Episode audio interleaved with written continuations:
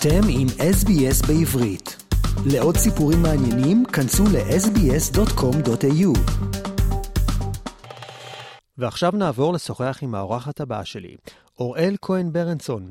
שלום אוראל. שלום, שלום. ותודה שאת מצטרפת אלינו היום. תספרי לנו בבקשה על עצמך, מתי הגעת לפה? כמה זמן את כבר פה? הגעתי לכאן בדצמבר האחרון. אה, בעלי ואני עברנו, הבאנו לפה גם את שתי הכלבות שלנו. אה, ואני סטודנטית, אני עושה תואר שני בניהול עם התמחות בשיווק באוניברסיטת מלבורן, ואני גם מורה לעברית בזמני הפנוי, שאין הרבה זמן פנוי כשאתה לומד אה, תואר שהוא פול טיים באוניברסיטת מלבורן. יפה, ומה משך אותך להגיע למלבורן הרחוקה? Um, האמת שבעלי ואני שירתנו המון שנים בחיל הים, הוא היה חובל בצוללות, אני התגייסתי להיות חובשת ועשיתי כמה תפקידים אחר כך כקצינה, uh, גם ברפואה וגם בהדרכה, uh, ורצינו חוויה שונה מה... מהרגיל בישראל, ואמרנו שבא לנו לעשות איזה כמה שנים, לגור בחו"ל, לנסות איזו תרבות חדשה, להכיר אנשים חדשים, אה, וזה היה בעיקר בגלל החוויה, רצינו לחוות את משהו שהוא אחר לגמרי ממה שאנחנו מכירים, אה, ומלבורן זה באמת הייתה החלטה ממש ממש טובה. הזכרת ששירתת בחיל הים, תספרי לי קצת על התקופה הזאת. וואי, זה מדהים. Uh, התפקיד האחרון שלי הייתי מפקדת בית ספר למפקדים. Uh, בעצם אני הכשרתי את דור מפקדים הבא של חיל הים. Uh, למדתי המון, גם מהשירות בכללי, וספציפית מהתפקיד הזה. אני חושבת גם שאני בתור סטודנטית עכשיו משווה את עצמי לסטודנטים אחרים שלומדים איתי בתואר. אה, למדתי הרבה מאוד על ניהול זמן, למדתי על איך, איך לסדר באמת את הדברים שאני צריכה לעשות, להספיק את כל הדברים. אה, פיקוד, מנהיגות, כאילו, למדתי את הדברים האלה תוך כדי עשייה, לא רק בתור שיעורים ורק על הלוח, כמו שיש כל מיני קורסים של לידרשיפ באוניברסיטה, אז למדתי את זה ממש הלכה למעשה, על איך באמת, איך באמת מנהיגים, איך באמת מפקדים, איך מובילים קדימה, למדתי המון, ואני באמת מודה על כל העשר שנים שעשיתי את זה. אה, זה באמת תרם לי המון בחיים, וגם, אגב, הכרתי ככה את בעלי. ועכשיו אה, במלבורן, תספרי לי קצת על הלימודים שלך באוניברסיטה, לעומת הלימודים בישראל. איזה שינוי את מרגישה עם הלימודים פה?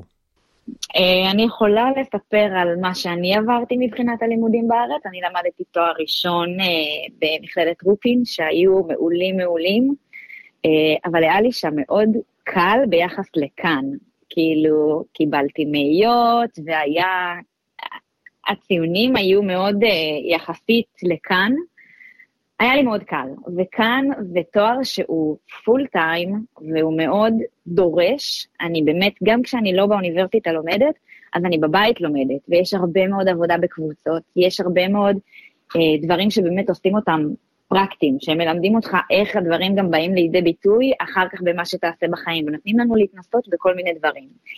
אמ, באחד הקורסים שעשיתי, זה היה קורס של innovation, שהיינו צריכים לעשות דברים של חדשנות, וממש עבדנו על פרויקט אמיתי עם City of Melbourne, כאילו ממש הם נתנו לנו איזשהו שטח ואמרו לנו, אנחנו רוצים לעשות כאן משהו שיקדם חדשנות, יוזמה, ונתנו לנו כל מיני כיוונים, ואני ועוד קבוצה של ארבעה סטודנטים לקחנו את זה לאן שאנחנו ראינו לנכון, ואנחנו הגשנו להם את ההצעה הזאת אחר כך, והם מכאן צריכים לבחור מה הם עושים עם זה. ברור שזה ייקח עוד כמה שנים עד שזה יקרה, אבל זו הזדמנות אדירה שלא רואה איך הייתי מגיעה אליה אם לא דרך האוניברסיטה. אה, הלימודים מאוד, אה, לימודים מאוד דורשים, מאוד, צריך להשקיע בזה הרבה מאוד זמן. יש איתך עוד ישראלים שלומדים לתואר? רוב הסטודנטים שלומדים איתי את התואר הם בינלאומיים. יש לי אחת שהיא סטודנטית אוסטרלית, רוב השאר הם מכל מקום בעולם. יש מסין ומאינדונזיה ומהודו ומאמסטרדם, כאילו יש מכל כך הרבה מקומות. ישראלים לא פגשתי כל כך הרבה, יש לי חבורה של כמה סטודנטים ישראלים, בעיקר סטודנטיות, אה, שאיתן אה, אני גם נפגשת, הן אה, חברות, אבל אין לי סטודנטים ישראלים איתי בתואר. אוניברסיטה מדהימה בעיניי, מאוד. תגידי, עם חיי היום-יום, מה הדבר החיובי הראשון שהבחנת בו מיד כשהגעתם לאוסטרליה? יש כאן משהו שאתה כאילו אומר לבן אדם, Thank you, והוא אומר לך, no worries, כאילו, אל דאגה, וכאילו זה, זה יותר ממשפט, זה ממש מרגיש לי כמו דרך חיים. הם כאילו חיים בלי דאגות. הם אדיבים, הם נעימים, הם נחמדים, הם חמים. זה לא החום הישראלי, אבל זה חום שהוא אחר, של כבוד ושל כאילו באמת רגוע. ממש ממש רגוע פה, החיים פה הרבה יותר באיזי. אני יוצאת לכביש, אני לא מרגישה שאני נלחמת כדי להיכנס, כאילו יש כאן הרבה מאוד כבוד, והיה לי, אני גם אוהבת לספר את זה, היה לי ריב בכביש עם מישהי, כי יש כאן כבישים מאוד צרים. וברגע שאתה נכנס, אם יש מישהו מולך, אז כזה, זה די נהוג שאתה עוצר בצד ונותן לו לעבור. זה לא משנה נתיב של מי חסום, בדרך כלל שני הנתיבים הם כזה עם רכבים שחונים בצדדים. אמ, זה לא היה ממש ריב, כן? אבל כאילו, אני עמדתי בצד, אני סימנתי לה, בואי תעברי, והיא אומרת לי, לא, את תעברי. ואז התחלנו כזה חילופי ידיים של, לא את, לא את, כאילו, זה הריב שהיה לי כאן בכביש. בארץ, אה, אם אתה לא נכנס בכוח לכביש, אז אתה יכול להמשיך לחכות בצד. כן, מובן. ומה לפי דעתך אפשר היה לשפר? הקפה, זה שאין קפה אחרי השעה שלוש, ארבע בצהריים זה מאוד מאוד קשה.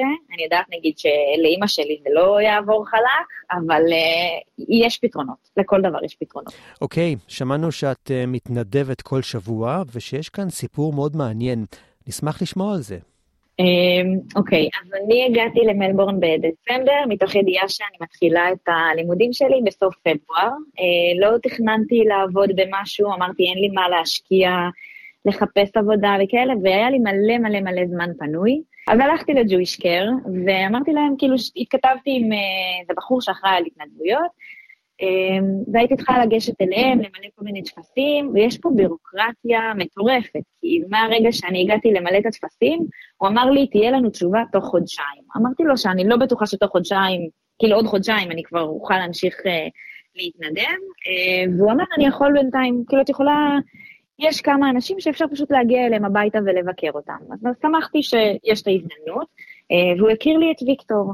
וויקטור הוא ניצול שואה בן 96. הוא היה פה נהג מונית במשך 30, 40 ומשהו שנים, אמ, וויקטור הוא בחור מקסים, המשפחה שלו גרה בישראל, כולם. אה, הוא כאן די לבד. אה, אני מגיעה לבקר אותו כל יום שישי קבוע מהרגע שהגעתי לכאן, אה, לא משנה אם אני בתקופת מבחנים, לא משנה אם אני בתקופה של לחץ בלימודים, ידוע וזה בלוז קבוע. יום שישי בבוקר אני אצל ויקטור, לא משנה מה קורה בעולם, אה, זה עושה לי את ה... את ה... לפתוח את הסופש בהכי כיף בעולם, שאני יודעת שנתתי מהזמן שלי בשביל מישהו אחר, שעשיתי משהו טוב למישהו אחר, ותמיד כשאני יוצאת ממנו והוא אומר לי תודה, תודה ושבת שלום, זה דברים שמחממים לי את הלב ברמה של אין איך להסביר, אבל זה באמת עושה לי את, ה, את הסופש, והלוואי שהיה לי יותר זמן כדי להשקיע בו וללכת לבקר אותו יותר. אוראל, מה למדת מניסיון החיים של סבא ויקטור? הוא מאוד אדיב, הוא מאוד צנוע, כאילו ממש הייתי צריכה להוציא ממנו בכוח את מה הוא עשה בחיים, את מה זה, והוא הצטיין כמה פעמים בתור נהג מונית.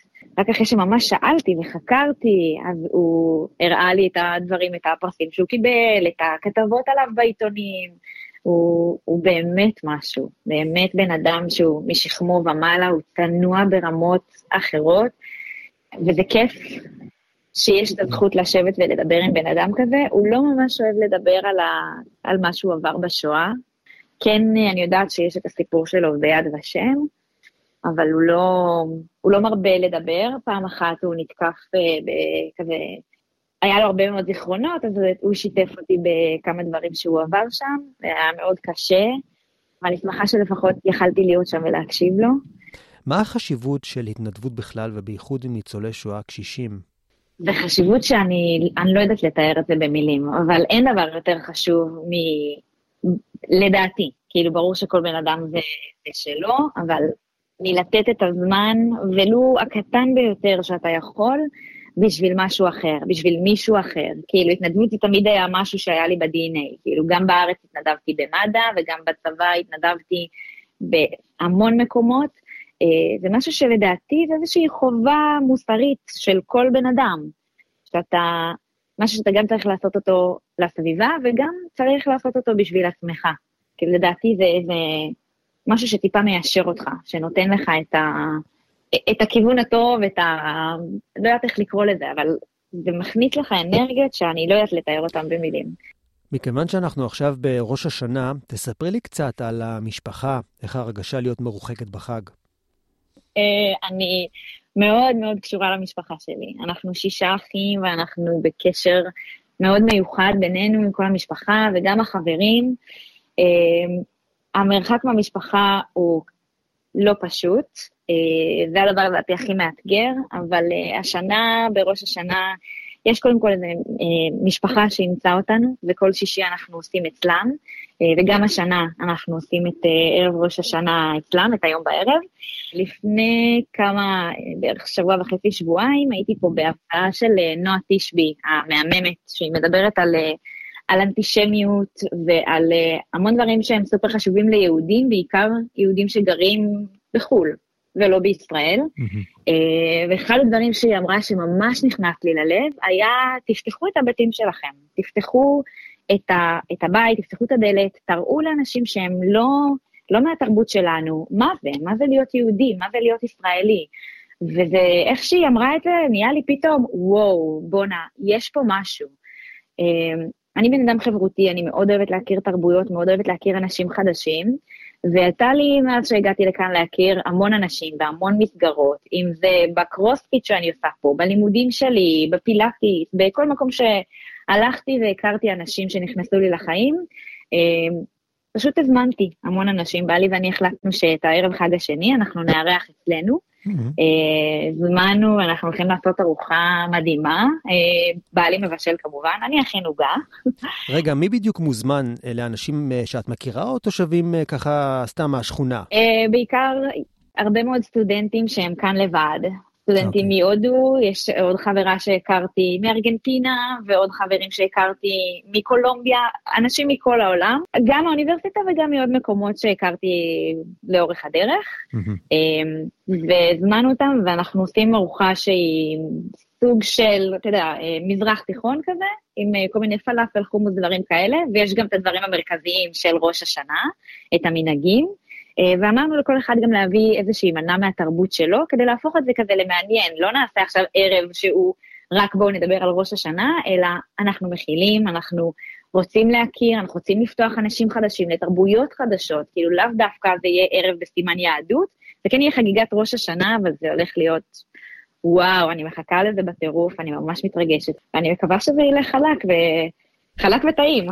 מדהים. כל הכבוד על היוזמה. אלה דברים אה, שאני משער שאפשר לעשות רק מחוץ לארץ, נכון? נכון, כן. לא רואה בארץ איך אני מצליחה, לה... כאילו, מה זה מצליחה? איך אני מארחת אנשים מכל כך הרבה תרבויות. כי בארץ זה... זה שונה. כן, קצת שונה. טוב, אוראל, אה, האם תרצי לסיום לאחל שנה טובה למישהו או מישהי? אמ, שנה טובה ומתוקה לכל האנשים, כל היהודים, לא יהודים, ישראלים, שגרים רחוק מהבית ומתגעגעים, אז תדעו שתמיד תמיד יהיה בנו את, ה, את הבית בכל מקום שנלך, אה, ושתהיה לכולם שנה טובה, מתוקה, המון בריאות והצלחה, וכיף.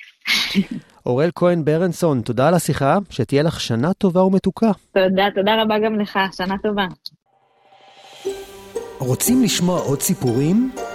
האזינו דרך האפל פודקאסט, גוגל פודקאסט, ספוטיפיי, או בכל מקום אחר בו ניתן להאזין לפודקאסטים.